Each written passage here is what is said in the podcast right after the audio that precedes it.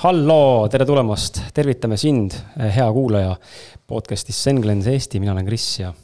ja mina olen jälle Maarjus. jälle Maarjus ja meil istume jälle siin stuudios enda Rotermanni mõnusas väikses pesakeses ja istume taas kord kolmekesti. küll mitte Janaga või Renega, vaid seekord ikkagi koos külalisega ja ega siin pikka juttu ei ole, ma loen ette sulle sissejuhatuse, mille me oleme kokku pannud siin, et sul tekiks natukenegi arusaamist, kellega tegemist on, kui sa juhuslikult temast kuulnud ei ole ähm, kahju küll, kui ei ole kuulnud, äh, kahtlen veidi, äh, perekonnanimi kindlasti on läbi käinud, aasta, aastakümneid juba siin. Äh, aga kui ei ole, siis täna õpid talle paremini tundma ja, ja võib-olla, mine tea, võib-olla ka lähemalt. Lähed külla, lähed trenni. Ähm, Gerd Kovit on siis sündinud perre, kus absoluutselt kõik on sportlased, kaasa arvatud ema, isa ja tema siis vennad ja õde. lõpetanud on ta samuti Tartu Ülikooli sporditeaduse bakalaureusekraadi raskejõustiku erialal ning omandanud ka FAF ehk siis Fitness Academy of Finland personaaltreeneri rahvusvahelise litsentsi. lisaks on ta siis viimase, viimased kolm-neli aastat taimsel toidul. Ehm, noorena on tegelenud ta kergejõustiku, pallimängude ja suusatamisega, hiljem Eesti tasemel kulturismiga ja nüüd rahvusvahelisel tasemel jõu tõstmisega.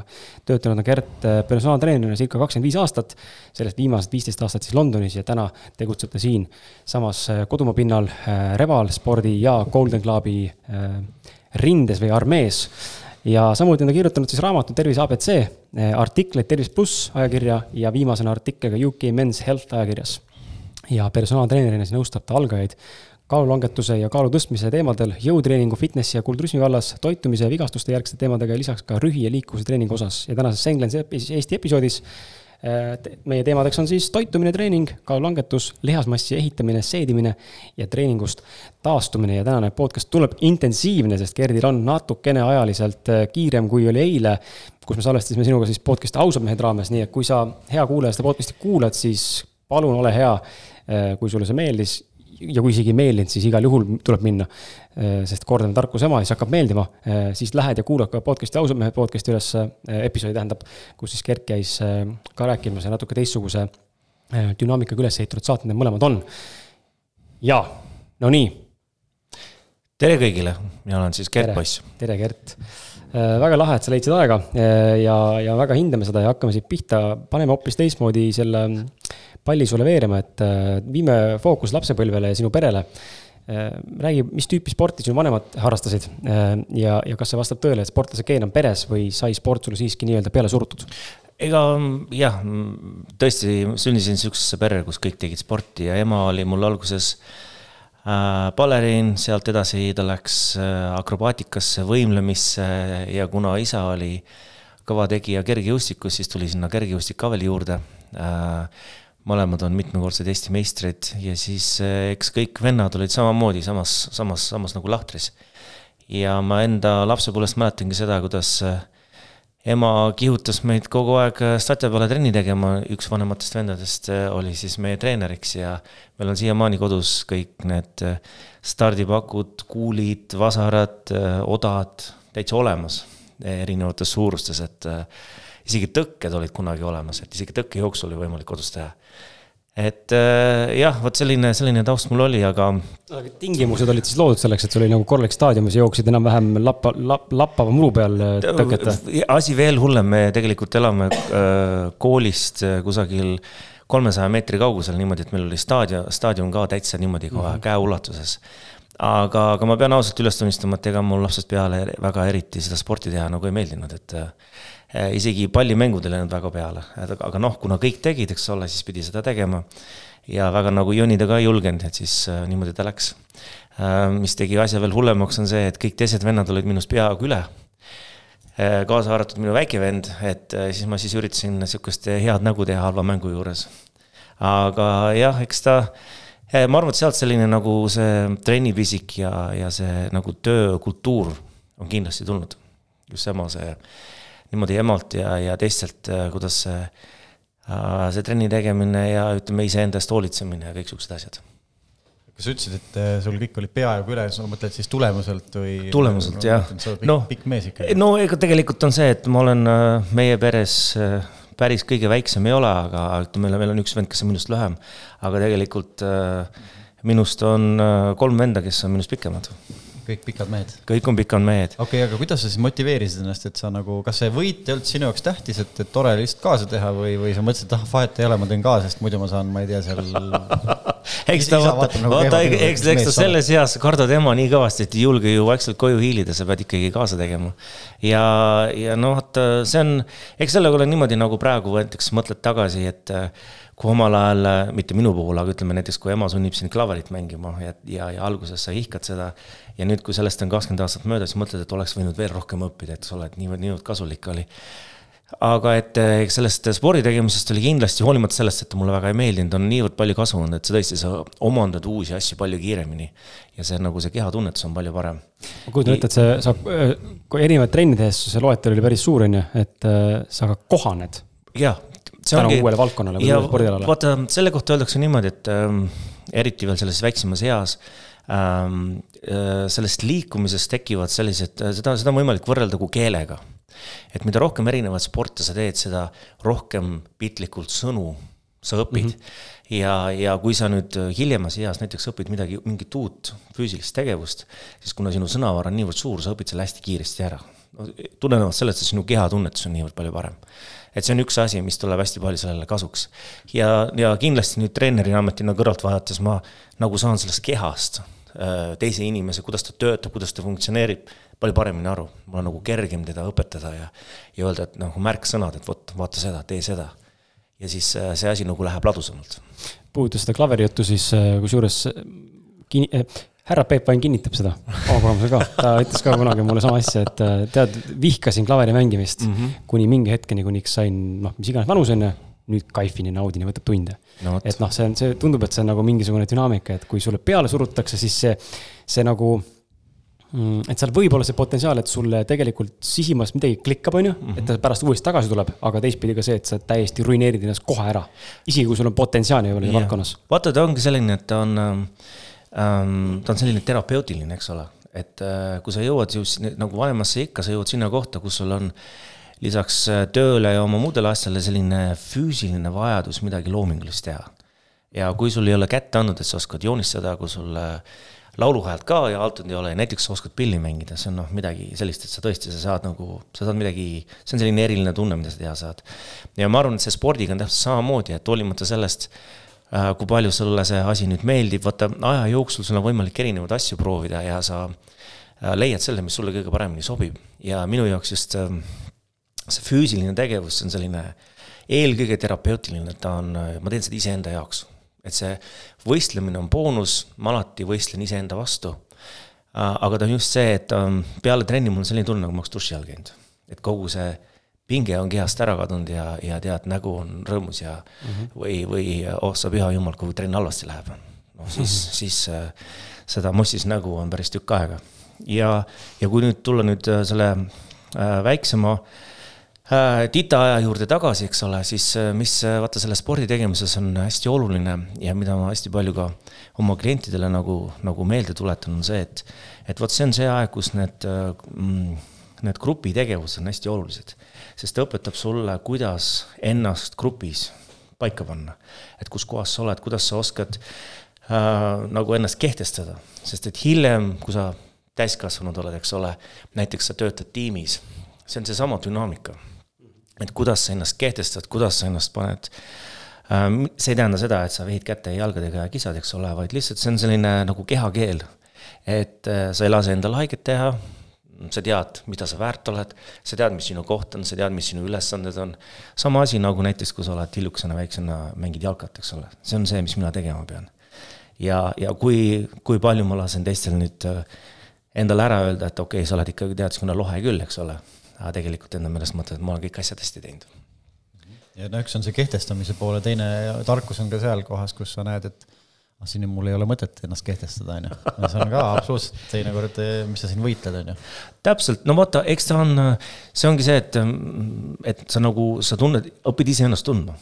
et sa tead, milles sa hea oled, milles sa nii hea ei ole, olgugi see teadmine võib tulla väga palju hiljem, noh, meeste poolt mehed üldse sa saavad ju targemaks suhteliselt vanemas eas, eks ole. pärast kahte lahustust, lahutust on peale kahte lahutust, kahjuks minu puhul on see äh, peaaegu tõsi äh,. aga no ma tõesti, ma tunnen seda, et ma olen praegu sinna viiekümne lähedusse saamas ja ja minu selline vaimne vanus on kuskil seal kolmekümne kandis, et noh, päris selliseid äh, täitsa totraid asju enam ei tee, aga, aga vahel on selline lapsetunne ikkagi veel hinges.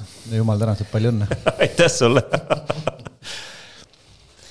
okei okay, ähm,, aga puudutame korraks seda Inglismaad ka, et just, mind tegelikult see huvitab ka, et kui me peaksime nagu neid kultuure võrdlema, äh, just nagu treeni mõttes, spordi mõttes ja üldse inimeste mõttes ka, siis äh, ähm,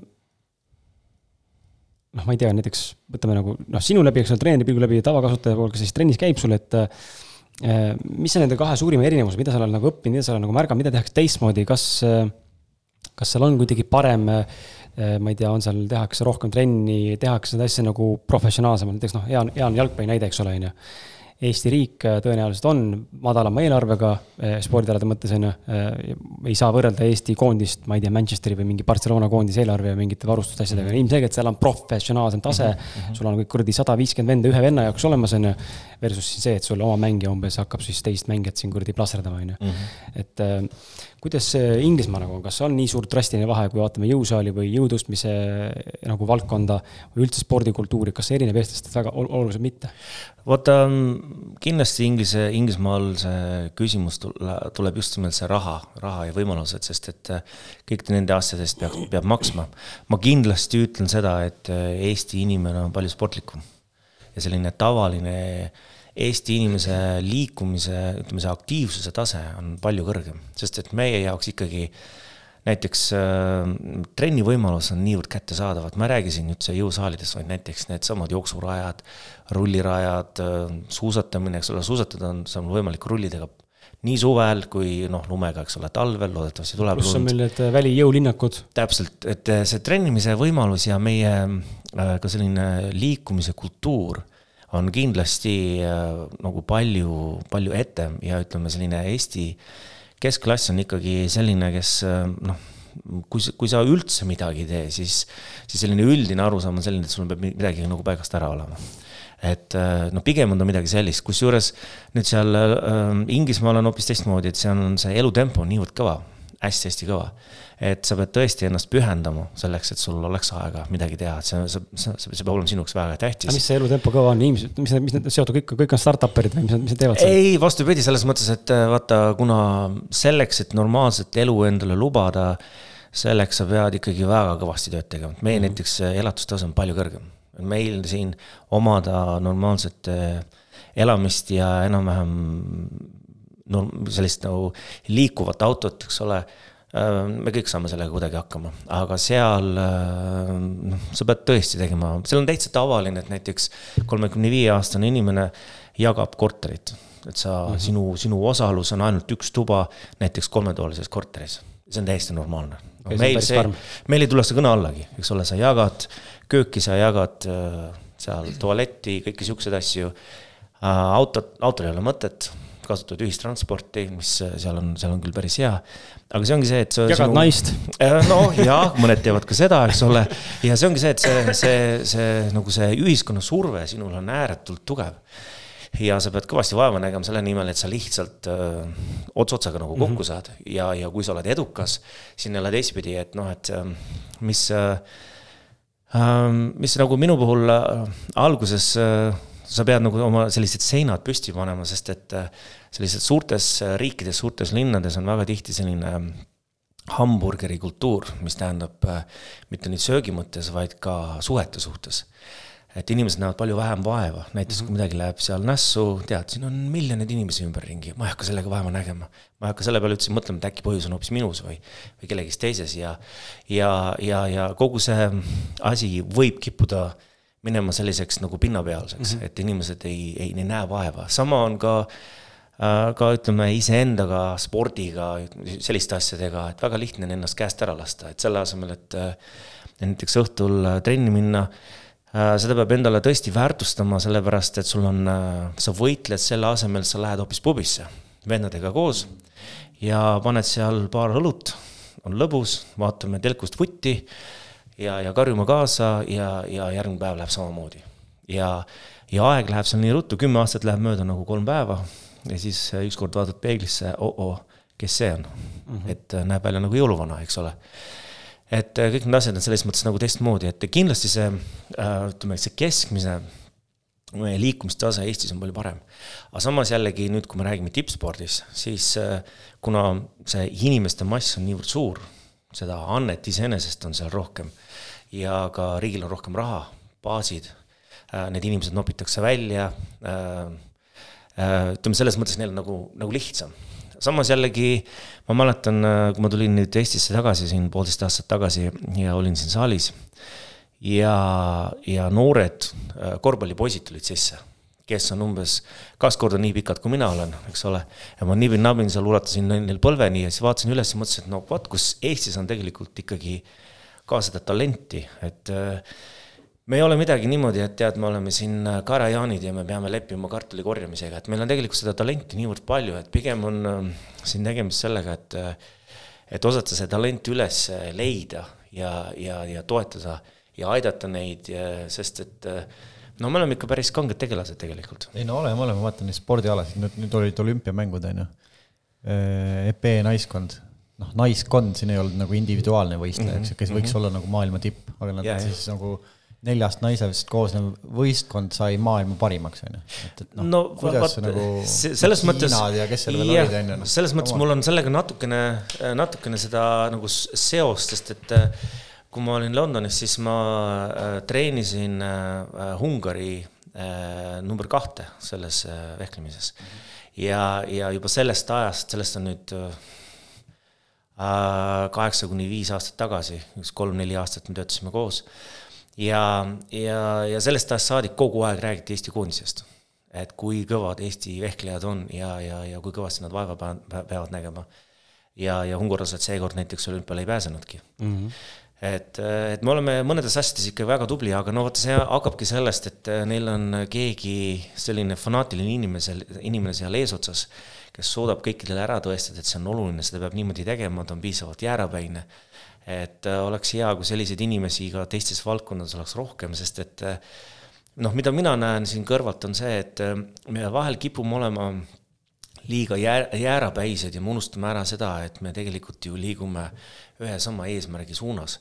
et äh, seal on, et äh, meil on siin tead Tartu tiim, meil on siin tead Tallinna tiim, meil on siin tead äh, Pärnu tiim, omavahel koostööd ei tee või siis me ei saa omavahel üldse läbi, vaid pigem ongi see, et me toome need inimesed kokku ja paneme kõik need helgemad pead kokku ja ajame seda asja hoopis niimoodi, et seda seda talenti tegelikult on hästi palju ja isegi neid spordibaase ju on veel vanast ajastki veel olemas ja osad nendest on täitsa kasutamata, et et seda potentsiaali on hästi palju. mis võib-olla, kui ma korraks tulen veel siia tagasi, mis võib-olla no, nagu šokeeriv just nimelt selle kultuuritausta pool, poole pealt, on just see, et eh, selline keskmine Eesti inimene on palju rohkem haritud. ja kuna me oleme väike rahvas, siis me teame väga hästi, kus kohas me asume nagu maailma äh, sellisel kaardil. Ja tihti me räägime kahte-kolme keelt. Äh,, näiteks äh, sellises suures riigis väga tihti ähm, sa saad kokku inimestega, kes äh, vaevu räägivad ühte keelt, võib-olla isegi ei kirjuta, ja see maailmavaade on niivõrd väike, niivõrd äh, nagu kitsarinnaline, et alguses ei oskagi nagu kaasa rääkida või ei oskagi nagu, ei oskagi nagu milleski nagu kinni hakata, et, et okei okay,, et mis me siis nüüd siin peale hakkame. et äh, selles mõttes on, me oleme päris tublid. mul endal ka kogemus kaks tuhat neli või viis, millal ma Londonisse läksin, mõtlesin, et lähen ka tööle sinna esimene asi, mida sa ka ütlesid, et ma pidin hakkama korterit jagama, mul sõber nii-öelda elas ühes siis korteris, jagades nii-öelda suurt korterit, tal oli üks tuba, ma pidin algul tema juures olema. ja, ja noh, see ei istunud mulle kohe sugugi. no vaata, selles mõttes, et äh, siin ma kujutan ette, Eesti tavaline inimene mõtleb, et mis seal siis nii väga nagu jagada ei ole, eks ole, sest me mõtleme Eesti kortereid et siinkohal peab meelde tuletama, et eh, üks tuba Londonis tähendab eh, Eesti riidekappi, mis on külili lükatud. Ja see on, see on umbes selle toa suurus. Nojah, võib-olla nii hull see ei olnud, aga no, aga sellegipoolest kuskil kommuunis elamine oli minu jaoks nagu niisugune, et, et ei taha. ja teine pool, see pealiskaudsus, mida sa ka mainisid, seda ma panin ka tähele, et ma käin tänaval, ma olen, olen Eestist pärit, ma olen harjunud, et inimesed ikkagi vaatavad otsa ja vaatavad seal, otsa ja täpselt. seal tekkis tunne, et ma lasen omal nagu ajud põrandale ja siis ka õhtul koristaja alles lükkab mind sealt eh, tänavalt kokku kedagi koti. ja see oli nagu eh, kultuuriliselt nagu väga-väga nagu ehmatav minu jaoks, et nagu mis, mis mõttes, mind nagu ei oleks olemas, vaata. ja, ja, ja noh, nüüd, nüüd see asi on nagu veel rohkem edasi läinud sinnamaani, kus kus nagu räägitaksegi sellest, et kui näiteks kellelgi on mingisugune häda või probleem või näiteks seal on äh, inimene tänava peal, kes seal tead verd pur-, verd purskab ja mis iganes, ära sa jumala eest talle appi mine, selleks on spetsialist. selleks sa helistad, ootad äh, ooteliinil ja siis tuleb spetsialist, kes aitab sind, et noh, et äh, see lä-, lähenemine on hoopis nagu natukene teistsugune. äärmisel juhul võid filmida ja TikTok'i üles panna jah, täpselt, ja täpselt nii. okei okay, ähm,, lähme selle juurde, et sa mingi hetk elus tegid suure muutuse läbi mille sa täna siis oled tugevalt äh, ennast siis patenteerinud treenerina et äh, oled siis toitumist muutunud päris Nii. jõuliselt. Äh, äkki viid nagu mingisuguse back story läbi, et milline su toitumine oli eelnevalt, eks ole, mis selle muutuse trigerdas ja kuhu sa täna siis jõudnud oled? no vot, ma mäletan, ma olin vist kusagil kaheksa aastane ja ma olin suve vanaema juures ja üks meie vanaemadest elas seal äh, üle üheksakümne ja mäletan tema, tema asi oli iga hommik ta võttis toore muna ja lõi selle vahule äh, suhkrut juurde ja see oli tema selline hommikusöök. koogel-moogel. koogel-moogel, täpselt nii ja ta ütles mulle, kui sina tahad saada suureks ja tugevaks, sest see on osa sinu hommikusöögist. selge see. ja sinna juurde ma mäletan, teine asi oli ähm,, oli veel sellised asjad nagu sööklad ja alati äh, ema ütles mulle, et sa pead alati võtma endale hapukoore suhkruga. sest see on see, mida spordimehed söövad ja, ja see, ja sellest ajast saadik seda sai ka kogu aeg võetud. mis maitsega on hapukoor suhkruga, ma üldse ei kujuta ettegi, mis ta umbes? ta on päris selline, tegelikult ta on, noh, ta on selline. tegelikult ma tean, ma olen teinud halvaad äh, nii tavalise hapukoore kui taimshapukoorega ja ta on sihuke magus, sihuke kreem lihtsalt. ta on ta on täitsa yummy tegelikult, ta on spetsiifiline, aga sa arvad ära selle, ta on päris, päris, päris hea. ja, ja vot äh, sealt edasi läkski niimoodi, et äh, noh, kuna minu taust on pikalt olnud see kulturism ja, ja vaata kulturistide puhul ongi üks selline ühine joon, et kui äh, sulle ikkagi ära tõestatakse, et näiteks äh, sa pead äh, mingit asja sööma ja see teeb sulle head, siis sa seda sööd ka hoolimata sellest, kuidas see maitseb, alates sellest, et sa võid tead tooli jalga närida.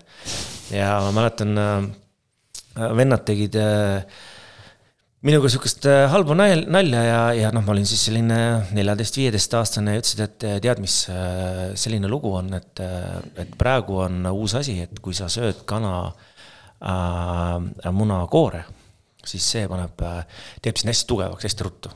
no muidugi, siis mina seal üksi nuputan, et kuidas sa neist nüüd sööma hakkad, et no, no ikka proovin natuke, ikka krõmpsub nii kõvasti, no ikka kohe, kuidas see kole on ja eks ma siis seal salaema tagant näppasin kohviauto ja siis panin sinna koored sisse ja, ja panin siis, jahutasin need seal, purustasin need äh, munakoored ära ja siis äh, üritasin neid seal veega alla ajada ja siis järgmisel hommikul, kui ema avastas, siis oli niimoodi, et äh, jooksime edasi ja tagasi. ja küll seal kõik sealt kõkutasid, aga no vaata, see ongi see, see ongi see lähenemine, et see et kui see teeb sulle midagi head, eks ole, siis seda, see ongi see, mis ütleme, sellise kulturismi ja fitnessi inimestel on selline ühine joon tollel ajal ju ka need kõik need valgusegid ja asjad, eks nad ju maitsesid äh, täitsa niimoodi, et äh, noh, sa pead ikka olema väga pühendunud inimene, et neid alla saada. nüüd on aeg muidugi edasi läinud ja nad on tõesti maitsvad. aga nüüd sealt edasi siis minu selline tavaline hommikusöök oli kas pudru või midagi sellist ja, ja siis viis toorest muna. ja väga tihti ka ennem trenni näiteks ma jõin seal kolm-neli toorest muna. et tavaline oli noh, kuskil kümme muna päevas see oli selline tavaline asi. ja kindlasti siis sinna kõvasti liha ja kõiki muid asju. ja, ja ma avastasin selle jõu tõstmise suhteliselt hilja, äh, kui ma olin juba nelikümmend mm.. ja, ja läbi just äh, tänu sellele, et mu äh, väiksem vend hakkas seda tegema. ja kuna meil on selline suur võistlus, selline ähm, no nagu ikka, himu. kõik on sellised kõvad tšempionid, eks ole äh,, peres. sama on, sama on ka põhjus, miks näiteks minu vanem vend äh, hakkas kulturismi tegema just sellepärast, et mina hakkasin seda tegema natukene varem. ja, ja tema vaatas, et okei okay,, et poisil hakkab seal pähkel kasvama, et peaks natuke ise ka tegema ja temast sai mitmekordne Euroopa ja maailmameister äh,. mina vaatasin kõrvalt, mõtlesin, et kuidas saab üks inimene nii suur olla, et mida ma siin olen valesti teinud. aga noh, vaata, see ongi see erinev geneetiline mm -hmm. potentsiaal, eks ole aga nüüd selle äh, jõutõstmise juurde tagasi tulles, siis äh, me hakkasimegi koos seda kangi niimoodi sikutama ja sellest saigi selline pere nagu, nagu ühine üritus, et äh, seal võistlustel tulid vennad kokku ja aitasid ja meil oli täitsa oma tiim ja, ja see nagu ühendas meid kõiki. ja vanem vend tuli meil treenerina appi ja ja, ja väga-väga kihvt oli, aga siis noh, mida suuremaks need raskused lähevad, seda, seda suuremaks ka see kehakaal läheb, kuni me lõpuks jõudsime siis väikse vennaga ühisele otsusele, et äh, me siis rahulikult võistleme üliraske kaalus, mis on siis sada kakskümmend pluss.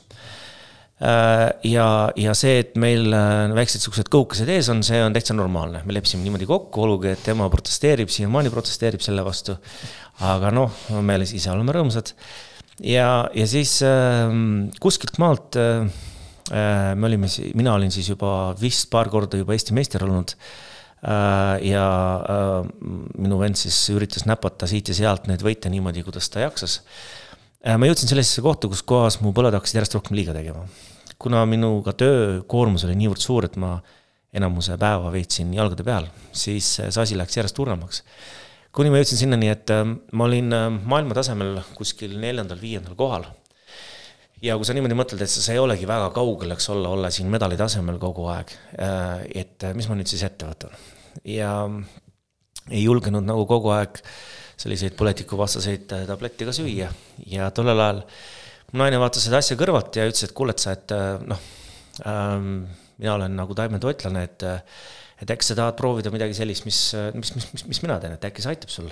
Sest et äh, noh, ma olin ka ennem kuulnud seda, et paljud sellised kas poksijad või maadlejad on ravinud oma vigastusi, läinud ajutiselt siis selle taimetoidu peale ja on väga häid tulemusi saavutanud. ja kuna ma olen alati olnud selles suhtes nagu suhteliselt avatud meelega, et ma ei ole üldse mitte noh, nagu jäärapäine, et et ma pean vot seda saama, tegelikult ma natukene valetan, ma ikkagi ütlesin talle küll, et mina lihast äh, nagu ära ei ütle, Eesti mees peab äh, liha saama. Siis tema ütles selle peale, noh, ära muretse, et noh, proovi nädal aega või kaks nädalat ja siis vaatame, mis sa teed. noh, okei okay. äh, ega mul selle toore muna mittesöömise vastu midagi ei olnud ja, ja, ja siis ma proovisin nädal aega ja, ja see, see, see muudatus oli tõesti väga kiire ja, ja üllatav. ja ma tundsin ennast niivõrd palju paremini.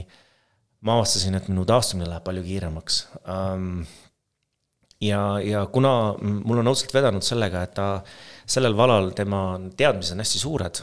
mis, kas tal on kuidagi enda huvi või ta on rohkem seotud kuidagi? ta on sellega? Äh, rohkem nagu enda huvi ja ta alguses tegelikult läks ka toitumist õppima äh, Inglismaal ja ta isegi jõudis selle esimese kursuse lõpuni, aga kuna ta tolleks ajaks oli juba selline kirglik taimetoitlane äh,, kirglik vegan siis äh,. seal tekkis info vastuolu lihtsalt. jah ja,, täpselt, sest et äh, noh, ühesõnaga nad läksid õpetajaga peaaegu mm -hmm. kaklema tunnis.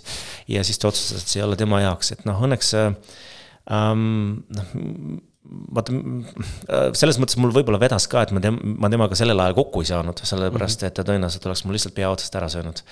sest et see tema kirglik äh, veganism oli lihtsalt noh, niivõrd, niivõrd kirglik et mina olen pigem, pigem rohkem selline, et ma eelkõige teen seda iseenda jaoks, see on, see on, see on minu jaoks oluline. ja see, see eetiline pool, see tuleb nagu natukene hiljem, nüüd, ma olen ka sinnamaani juba jõudnud, aga. aga ma olen selline, et igalühel on õigus oma arvamuse jaoks ja, aga lihtsalt tore oleks, kui inimesed oleks rohkem avatud ja nad prooviksid midagi, mis võib-olla on palju tõhusam, sest et noh, ütleme, mina julgen mina julgen nagu välja hõigata sihukest asja et, et seitsekümmend protsenti terviseprobleemidest tuleb söögist mm. -hmm. et äh, hästi paljusid asju on võimalik ikkagi ravida ja aidata selle toiduga, mis sinna sisse läheb, see kütus. E-, ennetada kasvõi. kasvõi ennetada, täpselt. ja, ja kunagi ei ole hilja äh, proovida ja oma elukvaliteeti muuta äh, selles mõttes. ja vot sealtmaalt me läksimegi selle taimetoidu peale ja, ja, ja ega see kerge ei olnud selles mõttes, et üks-kaks kuud ikkagi äh, reedeti ma olin seal Itaalia restoranis ja, ja, ja seal maiustasin seda, seda liha, sest et no vaata, üks suuremaid vigasid, mis taimetoidule üle minnes tehakse ja minu käest on päris tihti nõu küsitud, näiteks ka sportlased. et kuule, et sa, ma mõtlen nagu ma tahaks proovida ja vaadata, et ma vaatan, et sul läheb nagu jube hästi, et, et ma teen seda ja tihti, mis tehakse, ongi see, et ollakse ääretult äh, nagu ähm, strict sellega äh, ja, ja minnakse hästi kaugele sellesse äärmusesse mm. -hmm. ja sellest tulenevalt see äh,, nad jäävad niivõrd kõvasse energia puudu, puudu, puudulikkusesse. sa lihtsalt ei jaksa puut-, puutfüüsiliselt, kuna sul ei ole piisavalt seda toiduenergiat tulemas, tulemas sees. ja, ja meil oligi selles mõttes mul õudselt vedas, et me kahekesi siis nuputasime ja ja mõtlesimegi seda, et äh, noh, minu päevakaloraaž peab olema seal kuskil miinimum kolme, kolme tuhande kuni ideaalis sinna nelja poole tuhande vahel. ja taimetoiduga seda alguses kätte saada, see on päris nuputamine. ja, ja ta võttis ka aega, ennem kui me selle paika saame ja kui me ta siis nagu paika saime, siis ähm, äh, tore oli vaadata, et ilma mina mitte midagi ütlemata äh, suured mehed Äh, selles samas äh, Londoni saalis, kus kohas ma ise käisin trenni tegemas. Äh, käisid küsimas, kuule, mis asja sa teed, et, et kuidas see asi nüüd täpselt käib, et, et ja üks riburada pidi seal hakatakse proovima ja tegema ja. ja just sellised mehed, kes on tavaliselt on ääretult jäärapäised, noh, et, et mina pean saama viiskümmend grammi valku sellest šeigist ja see peab olema sada protsenti veiproteiin või muidu see asi, muidu lihtsalt see lihas ei lähe kasvama et nad on nõus proovima erinevaid asju ja, ja ma arvan ka, et üks, mis selline suur pluss lisaks sellele kõigele äh, minu puhul ka veel oli, oli see, et äh, vaata, kui sa oled peaaegu kakskümmend aastat äh, keha pommitanud ühte laadi, ühte tüüpi valguga, siis keha väsib sellest ära. ja nüüd järsku tuleb sinna see taimne osa sinna juurde, mis on keha jaoks niivõrd uus. ja vastupidi, see anaboolne mõju nagu sellele kehale on niivõrd tugev et see keha ei oskagi, et oot-oot-oot, midagi nüüd läks päris hästi siin praegust, et äh, vot see on ka see, mis mõjutab seda. kuigi seda taimset valku tegelikult me saame nagu igalt poolt, noh, absoluutselt, süskarid, asjad, igal pool on sees seda, aga Täpselt. just, see osakaal läks lihtsalt suuremaks. täpselt ja, ja just see, et järsku nüüd see keha äh, happelisus kukkus alla mm, -hmm. et vot sellest ka, et järsku nüüd kehal on hästi palju energiat mis ennem kulunes just nimelt selleks nende, selle negatiivsete asjade neutraliseerimiseks, mis sellest söögist tuleb, järsku see kõik kadus ära ja nüüd on järsku, mul on, mul on energiat äh, selleks, et ma äh, kulutan seda nüüd näiteks peale rasket treeningut taastumise peale ja kõik sellised asjad. kas sa, kas sa loomset päritolu toitu üldse ei söö? Ähm, ma üldse ei söö ja ta ei olegi kummalisel kombel mitte sellepärast, et ma olen niivõrd jäigalt seda otsustanud, vaid äh, näiteks kui me isegi oleme läinud kusagile puhkusele ja, ja, ja ma ei ole sada protsenti kindel näiteks, kuidas need kartulid tehtud on. ja, ja noh, ma ei taha ka olla selline jäärapäine, et noh, kui, kui sul muud varianti ei ole, siis ikka sööd, eks ole. ja ma olen seda söönud ja, ja ma kohe tunnen seda oma liigestes, kas ta on puhas või ei ole no,. kartulit siis ma eeldan, saab olla a la searasvaga või mingi muu asjaga koos, tüüritud samas tünnis, noh just, ainult kokkupuude on ju. ja tavaliselt ongi niimoodi, et juba, juba teisel päeval ma tunnen, et, et mul noh, põled hakkavad valutama, et midagi siin on nagu natukene metsa läinud ma tahan ikkagi selle küsimuse ära küsida, enne kui mu meelest ära läheb. sa mainisid ka, et, et äh, ja ma olen ise ka näinud, et, et kõhud tulevad ette jõutõstjatel mis värk on sellega? vaata, see on, see ei ole tegelikult mitte ainult sellest, et, et me, me ei räägi siin nüüd, kas me oleme tavasööjad või me oleme taimetoidulised, eks ole. vaid see pigem tuleb sellest, et Äh, millises kehakaalus me võistleme, sest et nüüd see sport on erinevates kehakaaludes, näiteks kui me vaatame üheksakümne kuni üheksakümne kiloseid või saja kiloseid, siis osad nendest meestest näevad välja nagu kulturistid, eks ole, kõhulihas on väljas, kõik on olemas, kõik on super. ja väga tihti nad on isegi tugevamad kui üliraske kaalumehed. aga nüüd äh, see asi vast ongi pigem selles, et äh, mida suuremaks need raskused lähevad, seda Äh, tugevamad sinu kehatühe lihased peavad ka olema, et nüüd suuta seda raskust hoida paigal, seda õiges kohas. ja nagu Edi Hoolumaa ütles, et mida suurem sinu enda mass on, seda kergem on sul suuremat raskust liigutada. et sellest tekib selline nagu survekorsett sinu ümber, et see teeb selle asja natukene lihtsamaks. Äh, sellepärast ka näiteks, äh, kui sa vaatad neid tipp, maailma tippramumehi, eks ole, nad ikka kipuvad olema seal kuskil saja kuuekümne kuni kahesaja kilo vahel, noh, mis meie jaoks on kolossaalne. täiesti kolossaalne. aga no raskused, mida nad tõstavad, eks ole, nad teevad seal kolme, kolmesaja, kolmesaja neljakümne kilose kangiga teevad korduste peale jõu, jõutõmmet näiteks ja seal kordused on kuskil kümne kanti. mis noh, ütleme meie siin tavalise inimese jaoks on täiesti üle, üle mõistuse käiv raskus. aga siis nagu see keha nagu ise siis sätib selle nii, et kuna sa tegeled selle jõu tõstmisega, sul on vaja suuri raskusi tõsta, siis ta talletab nii-öelda kaloraaži siis sinna õigetesse kohtadesse. õigetesse kohtadesse. kas pigem... on ikkagi see koostis on seal ikkagi keharasv või? Äh, äh, seal on kõike, seal on keharasva ka kindlasti mm, -hmm. kindlasti ja ta ongi pigem tegemist sellega, et vaata kui, ähm, kui sa oled nüüd ütleme sellises kehaga, kehakategoorias, kus kohas sul ülemat, ülemist piiri ei ole, siis äh, see põhimõte hakkabki sellest, et äh, mida suu-, suhteliselt suurem sinu kehakaal on, seda suhteliselt rohkem sa jaksad tõsta.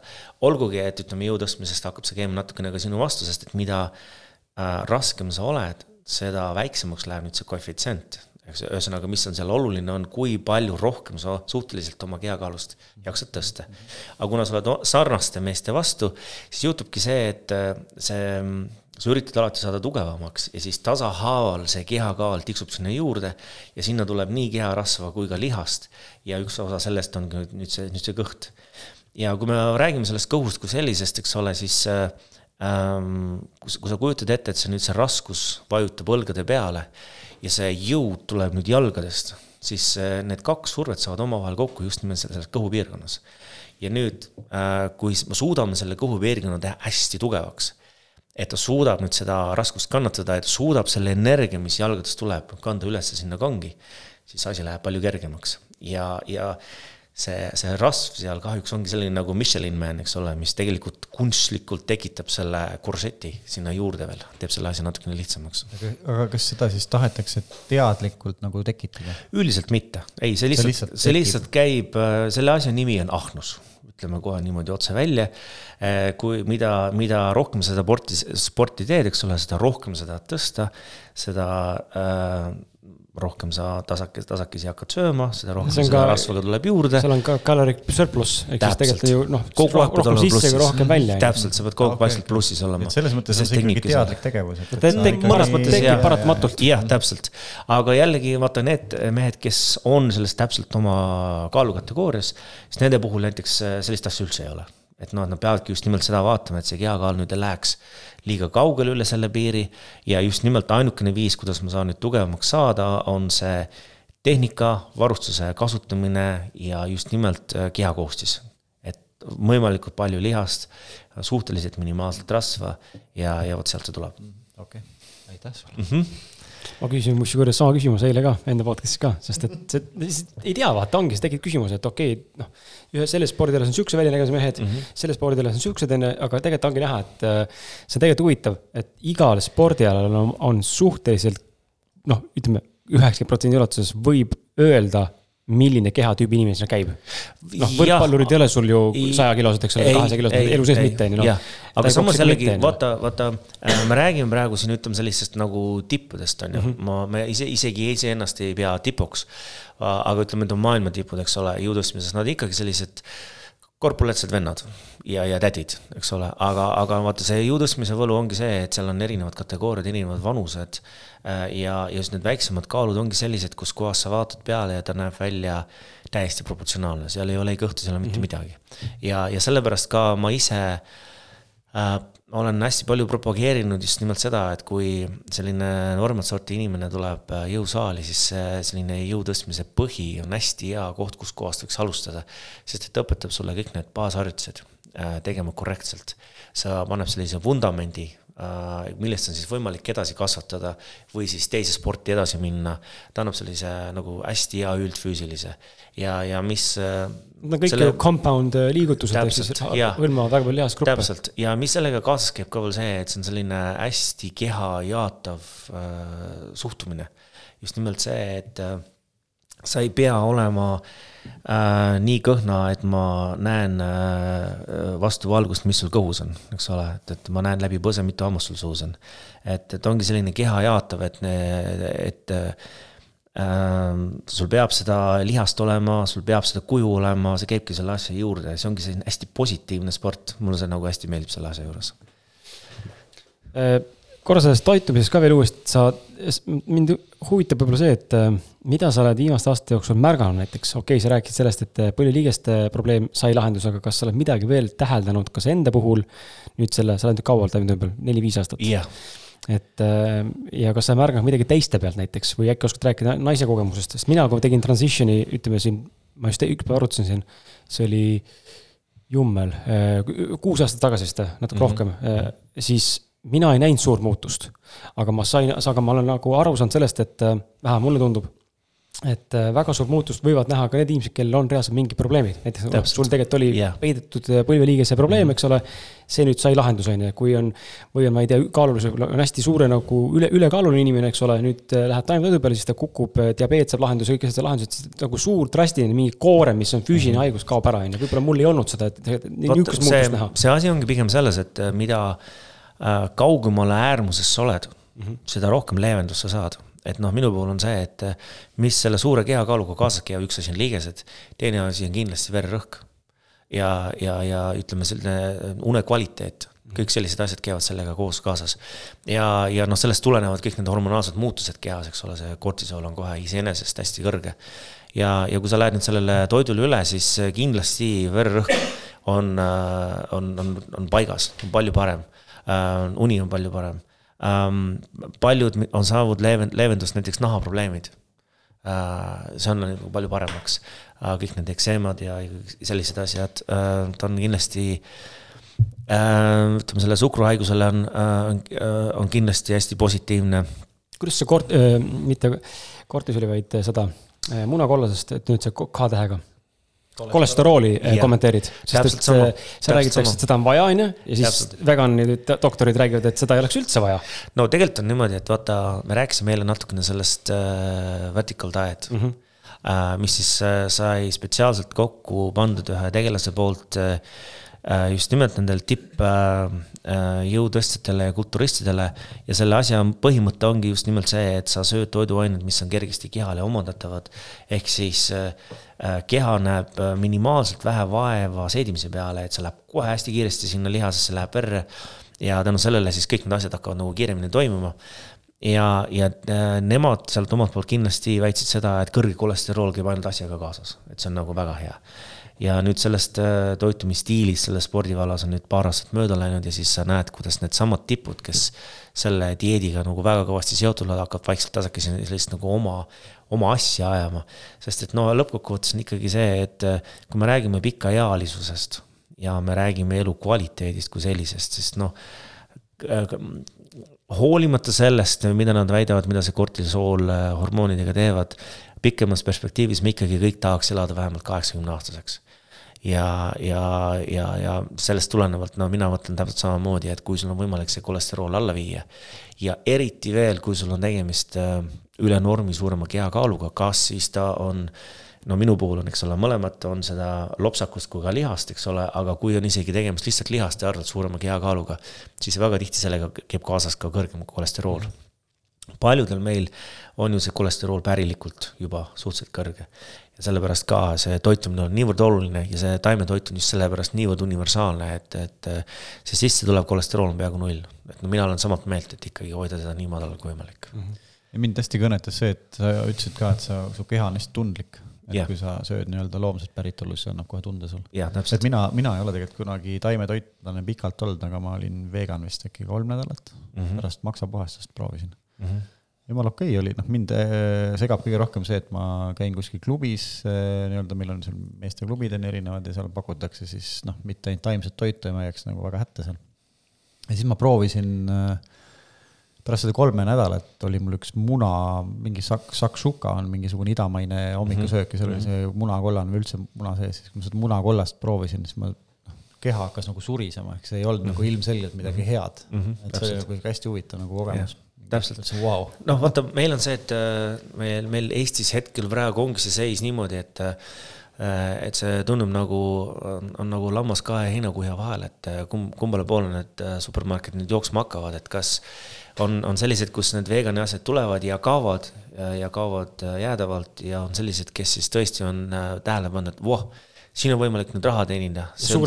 ja suurendavad seda ja, ja, ja see ongi see, et noh, igal pool noh, ütleme läänes, eks ole, maailmas on see selline trend, et kõik need äh, taimetoidu asjad on järjest populaar, populariseeritumad, eks ole, seal inimesed küsivad, hoolimata sellest, et äh, võib-olla sa maksad poolteist korda rohkem sellesama hot dogi eest või, või siis burgeri eest, aga, aga kuna sa tead, et see on äh, sinule hea ja, ja äkki teeb siis ka äh, maakerale head, siis noh, seda asja nagu käiakse, käiakse välja niimoodi. täna on ta veel kallim selles mõttes, et kuna ei ole nõudlust nii palju võib-olla tead, ma arvan, et asi on hoopis selles, et äh, kõik need lihad ja piimaasjad, need on ju kõik riikliku toetusega, et tänu sellele hinnad, hinnad on all.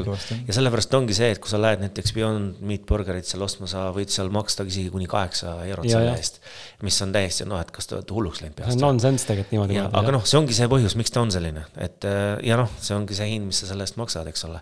see on tegelik toidu hind, tegelikult peaks maksma liha täpselt samamoodi, kui need oleks doteeritud. täpselt ja et noh, et vot nii ta on ja, ja, ja vot see ongi see, selles mõttes, vot see ongi see, väga armas, et sa seda ütlesid, et just nimelt see, näed, see ühiskonna surve ühtepidi nagu on kogu aeg sul peal. et mis sunnib sind, et no kuule, et sa, kui sa oled ikkagi nagu meie, meie kutt, eks ole, noh siis sa peaksid ikkagi väikse ampsu võtma, et kuidas sa nüüd ei võta, kuule. sa oled Eesti mees, sa vorsti ei söögi või? no mis no, võib-olla mitte see isegi, aga, aga just nagu, nagu noh, see on nagu nii loomulik, vaata, et sa lähed, noh, meil on ju siin toit on ju ja, ja, ja see, need valikud nagu siis vähenevad tunduvalt. ja siis on, oledki nagu noh, mõnes mõttes keerulises olukorras, sa tahad ja. nagu käia, sul on seal sõbrad, on ju, sul on tore olla nendega. aga süüa sa saad siis näiteks ainult eelroast pool. täpselt, noh, või siis ja siis pearoast võtad ka veel ühe kartuli. jah, täpselt oh., jah, et aga no, ma olen selles mõttes, no Eestis võib-olla see võtab natukene kauem aega, ma olen täiesti kindel, et need asjad kõik muutuvad juba liiguvad. et, et see asi nagu läheb järjest juba paremaks. see on väga positiivne, jah. et noh, ta ongi täpselt just nimelt selles kinni, et lõppkokkuvõttes äh, sa teed seda, mis on sinu jaoks oluline äh, ja sa oled selles nagu kompromissi piiri peal kogu aeg, et kus ma, kui kaugele sa nüüd lähed sellega, et kõik sinu ümber oleksid õnnelikud mm.. et minu käest on ka tihti küsitud seda, et no räägi mulle, kui sul mitte ühtegi sihukest nagu õiget varianti ei ole võtta, mida sa siis sööd? et kui sul ei ühtegi head sellist nagu taimetoidu varianti ei ole, et mida sa siis võtad, mida, noh, mis, mis asi on see asi, mida sa sööd? no õnneks äh, äh, tulenevalt sellest, et äh, et see on see kulturismi põhi mul taga, siis sellest tulenevalt ma olengi harjunud mõtlema niimoodi, et kui ma lähen kodust välja, ma tean, kunas, mida ma söön mm. -hmm. ja see, see käib nagu automaatselt minuga kaasas, näiteks praegu ka ma lähen siit edasi ja mul on kotis asjad kaasas, mida ma tean, ma pean sööma, sellepärast et äh, äh, ma olen selle läbi kogemuste hästi valusa äh, kogemuse saanud, kus äh, Äh, tööst ja elutempost äh, just seal Londonis tulenevalt äh, see söögivärk oli niivõrd niru. ja ma raiskasin üks kolm aastat intensiivset rasket treeningut täiesti tühja ja lõpptulemus oligi see, et ma olin täpselt sama kohal, kus ma ennem olin. lihtsalt sellepärast, et toidu kvaliteet oli vilets. potentsiaali raiskamine. täielik mm -hmm. potentsiaali raiskamine ja noh, okei okay,, me räägime siin praegu äh, minust kui sportlasest, kus need tulemused on äh, mustvalgel mõõdetavad. aga kui me räägime sellisest tavalisest inimesest, me räägime elukvaliteedist ja energiast, räägime mhm. sellest, et kuidas sa ennast päeva jooksul tunned. et kui sa hommikul välja tuled, kas sul tead silm särab ja kui kaua see kaua see sul silm särab, eks ole, et kas ta seal kuskil kella ühest kustub vaikselt ära ja siis sa ei jõua ära oodata, kunas sa koju saad. või siis vastupidi, on see, et sa oled osanud selle toitudega niimoodi paika panna. ma isegi ei räägi siin, ütleme, taimetoidust, vaid üldse sellist nagu, nagu toidurežiimist ja sellest rütmist, täpselt mm. -hmm. et sa natukene mõtled ette, et sa ei tähenda seda, et sa pead äh, ilmtingimata söögi kaasa tegema, aga sa mõtled seda, et vot siin on mul see paus see on see, mis ma sealt saan, äh, see on see, mis ma endale organiseerin ja ma olen ise nagu kontrollin seda, mis minusse sisse läheb, see tähendab seda, et ma, ka äh, suudan sättida seda, milline ma välja näen. sa võtad vastutuse. sa võtad vastutuse mm -hmm. ja näiteks see, äh, milline mina praegu välja näen, see on teadlikult minu enda valik. et äh, ma olengi spetsiaalselt seda niimoodi teinud, sest et see on, annab selle sportliku tulemuse mulle mm. -hmm ja, ja, ja just see, et kui sul on mingisugune teistsugune soov, näiteks ma tahan võtta kaalust juurde, näiteks ma tahan teha seda, siis see lahendus on alati olemas ta lihtsalt ongi see, et see on sinu jaoks challenge, see on sinu jaoks selline väljakutse, et kas sa nüüd oled selleks väljakutseks valmis, mis sa selleks tegema pead. kas sa küsid kellegi käest nõu või sa uurid seda asja ja siis sa paned selle plaani kokku ja hakkad tegutsema ja vaatad, et okei okay,, tead. ja see ongi see asi, kuidas ma neid asju ise olen vaadanud, et kui kusagil sa millegiga hätta jääd või midagi pahasti läheb, siis äh, ma tavaliselt alati nagu kerin selle asja tagasi ja vaatan, okei okay,, mida ma siit nüüd õppida saan, mis mul siin valesti läks. ja järgmine kord sa ju tuled targemana mm. -hmm. Siinkohal supermarketist rääkides, siis äh, shout out äh, vegan Eesti supermarket, tead, et on olemas või, rohevalik. kuule, et sa, ma kuulsin midagi, jah. päris lahe. suur pood, läksin kunagi sisse sinna esimest korda, siis tead, saad šoki, kui sa oled mitte vegan või ei ole vegan, ikkagi noh, kolossaalne toidupood. sa muidugi sealt niimoodi nagu saia ja mingit porgandit ei saa osta, aga ta on seal, kus endine Tartu maanteel endine jahipaun nurga peal seal, seal on suur rohevalik pood, tõesti, seal on siuksed tooted, mida mitte, pole mitte kunagi Eestis näinud, mis on välismaa suurbrändid, mis on toodud sisse ostetud nagu. oi, kutid, äh, küll te olete tublid, sinna tuleb teile kohe üks külaline. mine kindlasti vaata, et äh, seal on palju asju, saiakesi, no seal on kõike, no minge lihtsalt vaadake, kui on huvi. Aga see, hea, et sa küsimusega vastasid sellele meal prep'imise osas, et meil just enne saadet Jana küsis minuke küsimuse, et mul on seda varem küsitud ka ja ma usun ka sinult ja see on üsna täiesti loogiline küsimus tegelikult, see on loogiline küsimus, kui see inimene ise, inimene ise ei tea võib-olla läbinisti, kuidas taimetoitlasena nagu hakkama saada või isegi segatoitlasena hakkama saada. Eh, ehk siis puudub see planeeritavus, eh, see strateegiline või struktuuriline lähenemine, siis küsimus oligi selles, et et kuidas nagu võtta seda vabamalt, et jube pingeline vaata kogu aeg, sa pead kogu aeg jälgima, mis sa sööd. ta tegelikult ei ole, sest ta eeldab ainult ühte asja. ta eeldab seda, et sul peaks olema kolm varianti et äh, üks asi on see, et sa vaatad oma päeva, eks ole. Äh, meil on valik, kas me paneme oma päeva hommikust õhtuni täis, niimoodi, et sa ei saa isegi ringi keerata ennast. ja sul on aega ainult vetsus käia. või siis sa planeerid selle päeva just niimoodi, et vot sellel ajal ma tahan seda pausi teha mm, -hmm. sest sellel ajal ma peaksin sööma, sest vastasel korral järgmisel koosolekul sa võid rääkida uksega, sest et ma lihtsalt ei jaksa. ja noh, täht-, noh, ütleme me oleme siuksed äh, kanged Eesti, Eesti tegelased, eks ole, kes lihtsalt äh, rüüpavad siis kohvid peale ja, ja, ja sarv läheb ikka sirgeks ja kuidagi katsud nagu läbi push ida. aga kaua sa seal niimoodi jaksad? ja ta eeldabki seda lihtsalt, et ma, sa mõtled, kus kohas ma olen ja millised variandid mul on ja sa oled selle nagu salaplaani endale paika pannud. ja lisaks sellele sul on selline avarii asjandus kaasas, alates õunast või mingisugusest batoonist või midagi sellist, mida siis sul on võimalik sinna vahele võtta. ja ongi kõik äh,. olgugi, et alguses tundub ääretult ahistav, no kuidas ma niimoodi mõtlen, no ma ei saa, eks ole. aga, aga, aga kui sa selle oled endale juba paika pannud, siis asi läheb väga kergeks. sest et lõppkokkuvõttes me tavaliselt töötame ühes ja samas kohas, eks ole, või siis ühes ja samas ringis. me oleme teatud osas linnas, me teeme teatud asju ja sellega koos ka Äh, sa umbes tead, millised need variandid minu ümber on. või siis, kui neid variante üldse ei ole, siis näiteks teed õhtul endale lõunasöögi kaasa mm. -hmm. et ei ole, ei ole väljapääsmatuid olukordi on lihtsalt äh, see, et kui palju sa tahad. ma, see on hea näide, see, et teed õhtu kaasa, sest mina nagu enamasti isegi kaasa teed, täna küll lõgisin, aga Beyond Meat'i sain täna burgerit, sa ajasid no, isu peale mul eile. No,.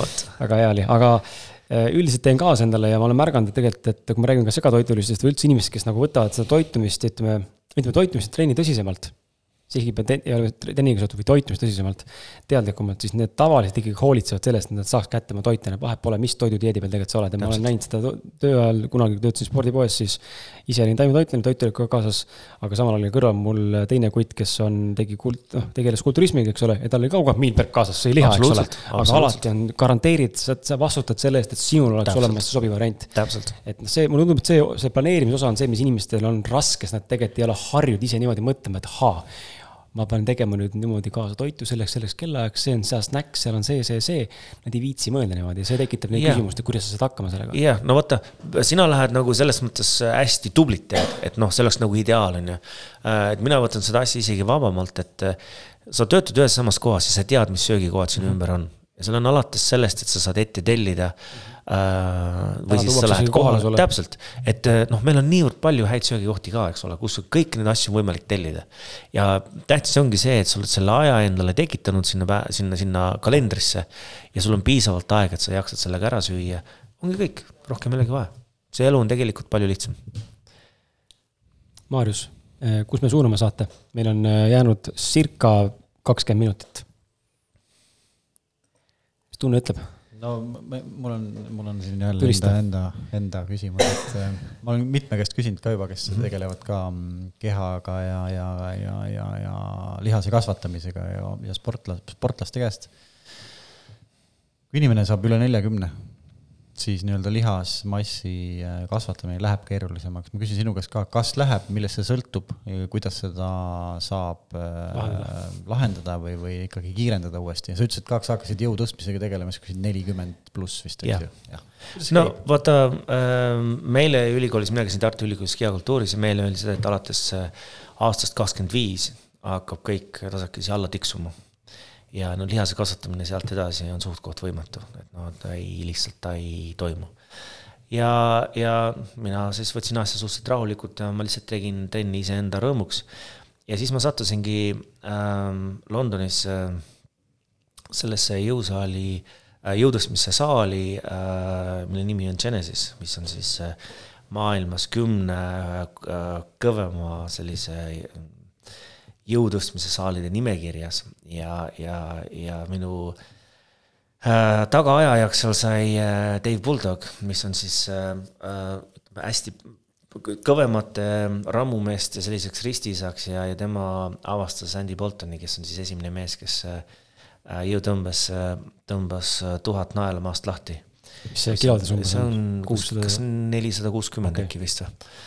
ja, ja ühesõnaga täiesti legendaarne mees ja tema on minust peaaegu kümme aastat vanem. ja tema hakkas äh, tõsisemalt jõutõstmisega tegema, tegelema, kui ta oli viiskümmend. ja tema käes on siiamaani maailmarekord ilma varustuseta äh, kükis, mis on seal kusagil äh, sinna kolmesaja lõppu ja siis ka täisvarustusega kükis, mis on sinna kuskil neljasaja poole peale. ühesõnaga täiesti hull tegelane ja ähm, kui ma hakkasin nüüd seda jõutõstmist tegema, siis äh, olgugi, et noh, esimesed kaks-kolm aastat äh, sa lähed tugevamaks äh, nagunii tänu sellele, et sinu keha on selle sellise treeningmetoodikaga harjunud, hoopis teistsugune treeningustiil, loomulikult sa lähed tugevamaks, aga äh, nüüd ma olen praegu nelikümmend kuus, varsti saan nelikümmend seitse, see on saladus, keegi ei tea äh,. iga aasta ma olen läinud järjest tugevamaks. et noh, see ei, see ei ole võimalik lihtsalt niisama, et ähm, et sa ei, see lihas ei kasvaks, eks ole, sest jõud tuleb puhtalt ka selle arvelt, mitte ainult selle arvelt, et see närvisüsteem läheb, areneb ja läheb paremaks, vaid ka see mootor ikkagi on see lihas, mis seda asja liigutab. ja, ja lõppkokkuvõttes me tuleme selle juurde tagasi, et need uurimustööd, mis on tõestanud nii-öelda, et see lihas sellest ajast edasi enam ei kasva, need äh, uurimustööd on niivõrd küsimärgi all ikkagi, et kas see on nüüd tõesti ja tänapäeva need viimased uurimused on ikkagi öelnud seda, et see ei ole ikkagi sada protsenti tõsi, sest et äh, me oleme niivõrd erinevad, meie äh, selline geneetiline potentsiaal on niivõrd erinev ja, ja meie elustiilist, toitumisest tulenevalt see potentsiaal võib olla niivõrd erinev. ja minu puhul kindlasti, kui ma nüüd läksin selle taimetoidu peale üle, kõige Äh, ütleme, selle treeningprotsessi saladuseks on taastumine. mida kiiremaks sinu taastumine läheb, seda suhteliselt kiiremini ka need lihased arenevad, koos sellega jõud areneb. ja, ja sellepärast ma võin sulle raudselt öelda, et äh, no minu puhul see kindlasti ei ole olnud tõsi. ja ma vaatan ka oma klientide pealt, äh, see on pigem ähm,, nii palju, kui ma olen näinud, see on pigem rohkem selline nagu vaimne asi et inimesed lihtsalt annavad alla, et vot ma olen juba nii vana, oi, ma seda ei tohiks teha. ja siis ma küsin ta käest, kui vana sa oled? tuleb välja, et ta on kümme aastat äh, noorem kui mina. ja ta juba käitub nagu ta oleks vanaisa, juba käitub nagu elu oleks möödas et see kõik sõltub sellest, kuidas sa sellesse asjasse lähened, kui palju sa enda eest hoolitsed. sest et vaata, äh, kuni sa oled äh, kakskümmend viis, su keha annab hästi palju asju andeks. sa võid kaks päeva järjest pidu panna ja siis trenni minna ja siis isiklikku teha olgugi, et sa tunned ennast kohutavalt, eks ole, saame sellega hakkama, kui sa vanemaks saad, paned ühe päeva pidu, järgmine päev on ikkagi kohutav olla ja võib-olla ülejärgmine päev ka veel. et sa selle, noh, keha annab palju vähem andeks. aga mis tavaliselt sellega koos käib, see, et sa muutud targemaks. sa ei tee lollusi enam. nii trennis, näiteks sa ei tee asju, mis sa tead, sinu jaoks ei tööta või seda on liiga palju ähm,. pidudega ähm, eks ole, omal ajal juba peod ära peetud, eks ole, mida ma siin ikka lähen, ma lähen selle asemel hoopis sõpradega restorani näiteks. Äh, kõik sellised asjad meie elukvaliteet on äh, mõtestatum ja, ja, ja, ja parem, et sellest tulenevalt ka see keha areneb võib-olla sellest tulenevalt palju paremini. et äh, no mina ütlen sulle ikkagi raudselt seda, et äh, ütleme, seal on niivõrd palju näiteid isegi kulturismi vallas, kus viiekümneaastased mehed tulevad ja võidavad ja teevad seda asja. olgugi, et sellest on nüüd tükk aega tagasi, aga ikkagi. et see kõik sõltub täpselt sellest, kui palju sa pühendud, kui palju sa oma aega sellele nagu, nagu annad. ja, ja seda lihast on ikkagi võimalik kasvatada aga seal on ju need näiteks kasvuhormoon ja, ja testosteroon, eks ju, mis öeldakse, et need on nagu üliolulised ja, ja, ja vananedes need ikkagi kahanevad et, et äkki, kas sa oled ise mõõtnud neid äh, mõlemaid tasemeid, kas sul on nagu keskmisest kõrgem, et sa ütled, et sa muutud iga aastaga täna nagu tugevamaks, eks ju? ma mõõtnud neid ei ole, äh, aga ma pigem ütleksin selle kohta niimoodi, et vaata, need mõlemad hormoonid sõltuvad lihasmassist. Ja kui sinu treening on nüüd selline, kus sa kasutad baasharjutusi ja sa mõjutad just nimelt neid lihaseid kõige rohkem. ja, ja mis mina olen tähele pannud seda, et näiteks äh, äh, mul on olnud äh, selliseid kliente, kes tõesti näevad vaeva lihasmassi juurdepanemisega. no east, east hoolimata. ja mis ma nende puhul kasutanud olen, ongi see, et ma olen hakanud treenima rohkem suuremaid lihaseid. See mõjutab keha palju tugevamini, see anaboolne võime kehas palju suureneb, see, see, see mõju sellele, nendele hormoonidele on palju tugevam ja järsku kõik asjad hakkavad edasi minema. et äh, ta on nii ja naa, et äh, ütleme, ealisusest tulenevalt jah kindlasti, aga teistpidi jällegi, kui sinu see toitumine ja treening on paigas, siis sa saadad seda asja pidurdada või vastupidi, tagurpidi keerata. see kõik sõltub sellest, kui palju sa oma kehast oled välja võtnud. et kui sa alustad treeningut neljakümne aastasena ja, ja sulle öelda, et absoluutselt mitte midagi ei hakka juhtuma, siis see on täiesti vale, eks ole, sest sinu keha potentsiaal võib olla hoopis midagi muud. sa võid vabalt panna kümme-viisteist kilo lihast sinna juurde. kui me räägime siin neljakümne viie aastasest äh, tippkulturistist, tippjõutõstjast, eks ole, see tähendab seda, et okei okay,, siis me oleme niivõrd palju kihast juba välja võtnud, siis see, see puhver seal on väga väike. ja nüüd me tõesti peame vaatama seda, mis, mis selle kehaga toimuma hakkab, see, et ta on hästi tundlik. Ta on hästi tundlik näiteks selliste asjade vastu, mis äh, mõjutavad keha negatiivselt. Äh, halb uni, äh, toidu kvaliteet, ületreening, stress, alkohol, kõik need asjad hakkavad pidurdama, nad mõjutavad palju rohkem, see keha on palju tundlikum ja, ja sama teistpidi jällegi, kui sa võtad kõik need asjad arvesse, siis noh, kõik need võtmeasjad on sinu käes. Eh, kui sa julged öelda siin üldse siukse rusikareegli, neljakümnendates mees, mitu korda nädalas jõusaalis peab käima, et eh, lihasmass kasvama hakkaks? vaata, siin on nüüd selline asi, et esiteks äh, mina ei soovitaks, kui sa oled, ütleme, alustad ka, eks ole, ja sinu eesmärk on äh, saada lihast juurde, saada paremasse vormi, äh, siis ma soovitaksin sul käia natukene tihedamini, aga teha trenni lühemalt. Et hoida need treeningud kuskil seal kolmekümne kuni neljakümne viie minuti vahel. intensiivsena siis või? Äh, see isegi, vaata, kui sa alustad, ta ei saa olla intensiivne, eks ole mm, -hmm. siis sa lõhud ennast kahe trenniga ära ja ülejäänud nädala sa lihtsalt oled voodis ja valutad, eks ole. et ta on, ta ongi pigem see, et vaata, me rääkisime eile ka sellest, et sinu lähenemine asjale peab olema alati positiivne ja sa pead alati panema ennast sellisesse seisukohta, kus kohas sina oled kogu aeg vinner. see tähendab seda, et sa küsid endalt nii vähe, millega sa saad sajaprotsendiliselt hakkama. Et sul ei ole ühtegi võimalust äh, fail ida seal. ja kui sa saad sellega hakkama, vaata siis sul tekib kohe selline võitjatunne ma või, ma suudan kõike teha. ja sealt tasakesi isu kasvab siis sa saad sinna asju juurde panna. ehk siis, kui me räägime sellisest äh, tavalisest tegijast, kellel käed värisevad, sest ta tahaks äh, elu teistpidi keerata ja, ja, ja olla juba täna õhtuks äh, Arnold Schwarzenegger, siis vaata, ei ole väga suurt, väga suurt probleemi, ma ütleks talle, et käi neli korda ja tee kuskil kolmkümmend viis, nelikümmend viis minutit mm -hmm. iga kord ei ole, noh, pigem ongi see, et ma pean teda tagasi hoidma, et ta liiga palju ei teeks. kui me räägime sellisest, kes saab aru sellest, et okei okay,, ma näen seda, et äh, äh, vanus kihub, kisub teatud kehaosi allapoole ja, ja seda on juba järjest raskem riietega varjata. ja, ja midagi peaksin hästi ruttu ette võtma, aga no väga nagu ei tahaks, eks ole. no siis me alustame juba sellest, isegi kaks korda nädalas on parem kui mitte midagi. aga ikkagi, et see trenn oleks natukene lühem ja sa lõpetad ära ennem, kui sul pilt eest ära läheb. ehk siis ta peab olema niimoodi, et sa, sa ikkagi veel tunned ennast hästi kõik aitab.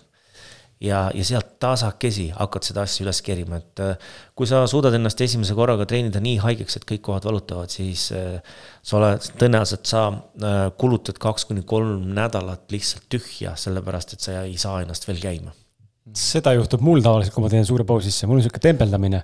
ma räägin, see on, ma küsin sinu käest ka seda asja, et ma ei tea, mis, ma küsin seda sinu käest ka, sest et see on mul lihtsalt, mul on tunne, et see on mingi trauma on tekkinud sellega. Austraalias saavutasin oma elu parima vormi üldse, peaks sulle pilti näitama, ikka reaalselt kuradi legit skinny mm -hmm. ripped vend olin mm. -hmm. pärast operatsiooni, mis ma rääkisin sulle mm. -hmm. ja siis murdsin kämblaluud mm. -hmm. ja pumm, midagi teha ei saa, eelmised pool aastat kõik kukkus, kadus mm. -hmm ja pärast seda on nüüd niimoodi olnud äh, aastate jooksul, et ma hakkan tegema trenni jälle, sest ma tahan tegelikult teha, ma tahan oma keha arendada, ma tunnen, mul on, noh, ma tahan näha keha potentsiaali mm -hmm. mehena, on ju. Ehm, ja, ja samal ajal mingi aeg teed, esimene treening on kohe selline, et noh, ma teen ka tugevalt, eks ole, ma tean, mismoodi teha, mida teha, siis ma tõmban ribadeks ja järgmine päev isegi poodist püsti põhimõtteliselt, kõik on nii valus, et no ma ei saa isegi tassi tõsta, on ju. Mhm. ja, ja siis äh, teed niimoodi võib-olla ilusti ära, eks ole, läheb see valu üle, hakkad tegema regulaarset trenni, teed nädal kaks-kolm, võib-olla teed isegi kuu-kaks ja siis tuleb lambist mingi põhjusel sisse paus väike. ja see paus venib mõne kuu peale ja lõpuks poole aasta peale. ja niimoodi on praegu juba jälle, kevadest saati pole mitte siit ennast liigutanud. vaata, seda on hästi lihtne seletada. Äh, sinu kehas on äh, nagu selline puhver. kui palju energiat sinu kehas on nüüd äh, taastuda nendest treeningutest kuna sa alustad hästi tugevate treeningutega, see tähendab seda, et sa kohe tekitad kehas sellise üleväsimuse fooni. alguses ta on tillukene, väikene, eks ole, aga sa lähed järgmisse trenni, sa oled natukene ikka veel haige, natukene ikka veel valus. see tähendab seda, et see, see, see ületreeningu foon järjest kasvab sinu endale teadmata. kuni sa jõuad sinnamaani, et on see teine nädal, kolmas nädal, neljas, neljas nädal, sa oled nii kõvasti üle treenitud, sest et sa alustasid nii kõvasti, et sul on vaja seda pausi ja, ja see paus peab olema vähemalt nädal aega, mitte rohkem. ja kui sul on siin nädal aega olnud nüüd see, see, see paus, sa ei ole veel tekitanud sellist kindlat harjumust, et ma pean trenni saama mm. -hmm. keha ei ole sellega enam ära harjunud. ta on pigem see, et see on nagu punishment, ma lähen ennast karistama, ta ei ole selline, et tead mul on hädasti vaja seda trenni, sellest, et eh, see on minu jaoks nagu noh, nagu minul on näiteks nagu duši all käimine, eks ei, ole. ma pigem, ma pigem tunnen, et see on piin. vot täpselt. see, see tähendabki seda, et sa oled alustanud liiga kõvasti ja, ja see ongi see, et sa treenid ennast üles, oled täiesti augus ja tekib alatreenitus ja, ja üks, miks see just tekib, on sellepärast, et eh, sa oled nii-öelda nagu vana sportlane, et sa, sa suudad ennast pingutada üle suutlikkuse piiri. ja näiteks sinu jaoks palju lihtsam eeldades, et sa ei ole jõusaalis palju käinud. Äh, kui sa ei tea, kui palju sa suudad, siis sa iseenesest teed natukene vähe. kuna sa ei tea, et ma olen selle raskusega tegelikult äh, kaks aastat tagasi teinud nii palju, no tead, ma pean selle kätte saama ja muudkui ponin niimoodi, et ninast verd tuleb. kui sa seda ei tea, seda, seda ei tee. sinu puhul jälle on see, et sa ripud seal kangi otsas nii kaua, kuni tead küüne, küüned küljest ära tulevad et sinu puhul ongi see, et see, see saladus on see, et sa teed vähem ja lühemalt, kui sa tahaksid. ja sa näiteks limiteerid seda, noh, jõusaalis oleks lihtne, kui mitu seeriat sa teed, korduste arv, sa limiteerid neid. Äh, ja siis lubad endale iga nädal panna natukene juurde, see tähendab seda, et kui sa oled selle esimese trenni ära teinud ja sa lähed teise trenni, sa lähed sinna teise trenni juba tugevamana. see treeningprotsess on juba alanud, sinu puhul on see, et, et sa teed endale esimese trenniga liiga teisega veel, kolmandaga veel, neljandaga veel, sa lähed natukene tugevamaks, aga samal ajal sa kasvatad, kaevad seda auku, kuhu sa lõpuks tahes-tahtmata pead sisse kukkuma, kuna sa keha lihtsalt rohkem ei jaksa. ja see ületreening mõjutabki ju keha kahel viisil, üks on see, et ähm, esimene asi, unehäired, siis tekivad äh, igasugused tujud siis vastumeelsus trenni vastu, sealt edasi juba väiksed liigesevalud, lihasevalud, kuni lõpuks sinnamaani, et, et ma lihtsalt füüsiliselt ei saa sinna trenni minna, ma lihtsalt ei taha. aga vaata, see ongi see, et kõik need asjad, kõik see, kõik need asjad, mis, mis sina teinud oled, see on tegelikult kõik need tüüpilised ületreeningu nähud. ja kui sa oskad neid juba ette näha, vot need on need, mis ma tavaliselt teen ja limiteerid seda ja näiteks viidki ennast sellisesse keskkonna, kus kohas seda on võimalik mõõta ja ennast tagasi hoida, see elu on palju lihtsam kõlab väga loogiliselt.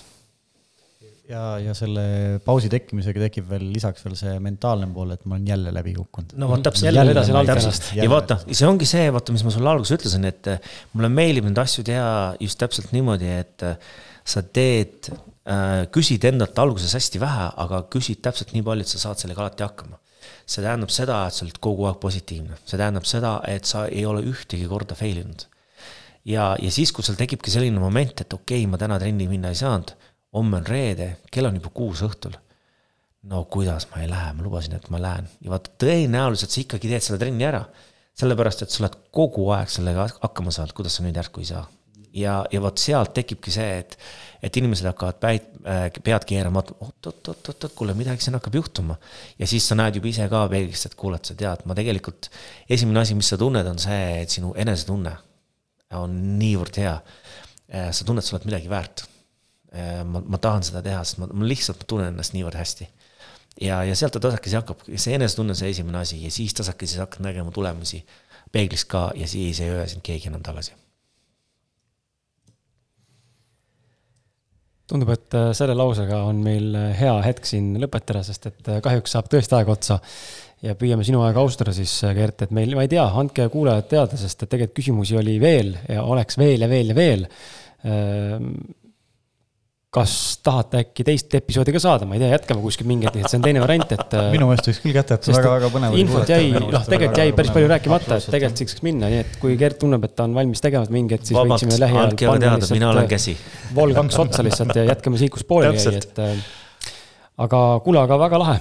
aitäh teile, poisid mina veel küsiks, küsiks selle küsimuse ka, mida sa tahad veel öelda kuulajale? midagi um, äkki, mida me ei küsinud, mida sa tahaksid? ma arvan, et pigem, pigem rohkem seda, et ma eeldan seda, et inimesed, kes meid kuulavad, on sellised, kes äh, just mõtisklevad selle üle, et äh, kuidas, kas ma peaksin trenni tegema ja ja, ja mida ma peaksin iseendaga tegema ja, ja võib-olla nad on ka sellises seisus, kus kohas nende iseenda jaoks on suhteliselt vähe aega ja siis hakatakse mõtlema, et no kuhu ma selle aja panen ja kuidas ma selle hakkama saan, lapsed ja töö ja kodu ja nii edasi siis äh, ma just tahakski võib-olla meelde tuletada seda, et kõige tähtsam asi siin maailmas oled sina ise. ja kui sa ise oled õnnelik, kui sa ise oled rahul iseendaga, siis sa suudad kõik inimesed sinu ümber samamoodi äh, õnnelikuks teha. ja, ja sellepärast see aeg, mis sa iseendale võtad, see on nii ülitähtis ja üliväärtuslik. ja lihtsalt ma paneks südamele, et inimesed leiaks selle aja iseenda jaoks. ahoo väga lahe, aitäh teile, härrad siin stuudios ja aitäh sulle, hea kuulaja kodust ja ma ei tea, jääme siis ootama, äkki tuleb Vol kaks, vaatame. tuld. aitäh. tšau, tšau. tšau.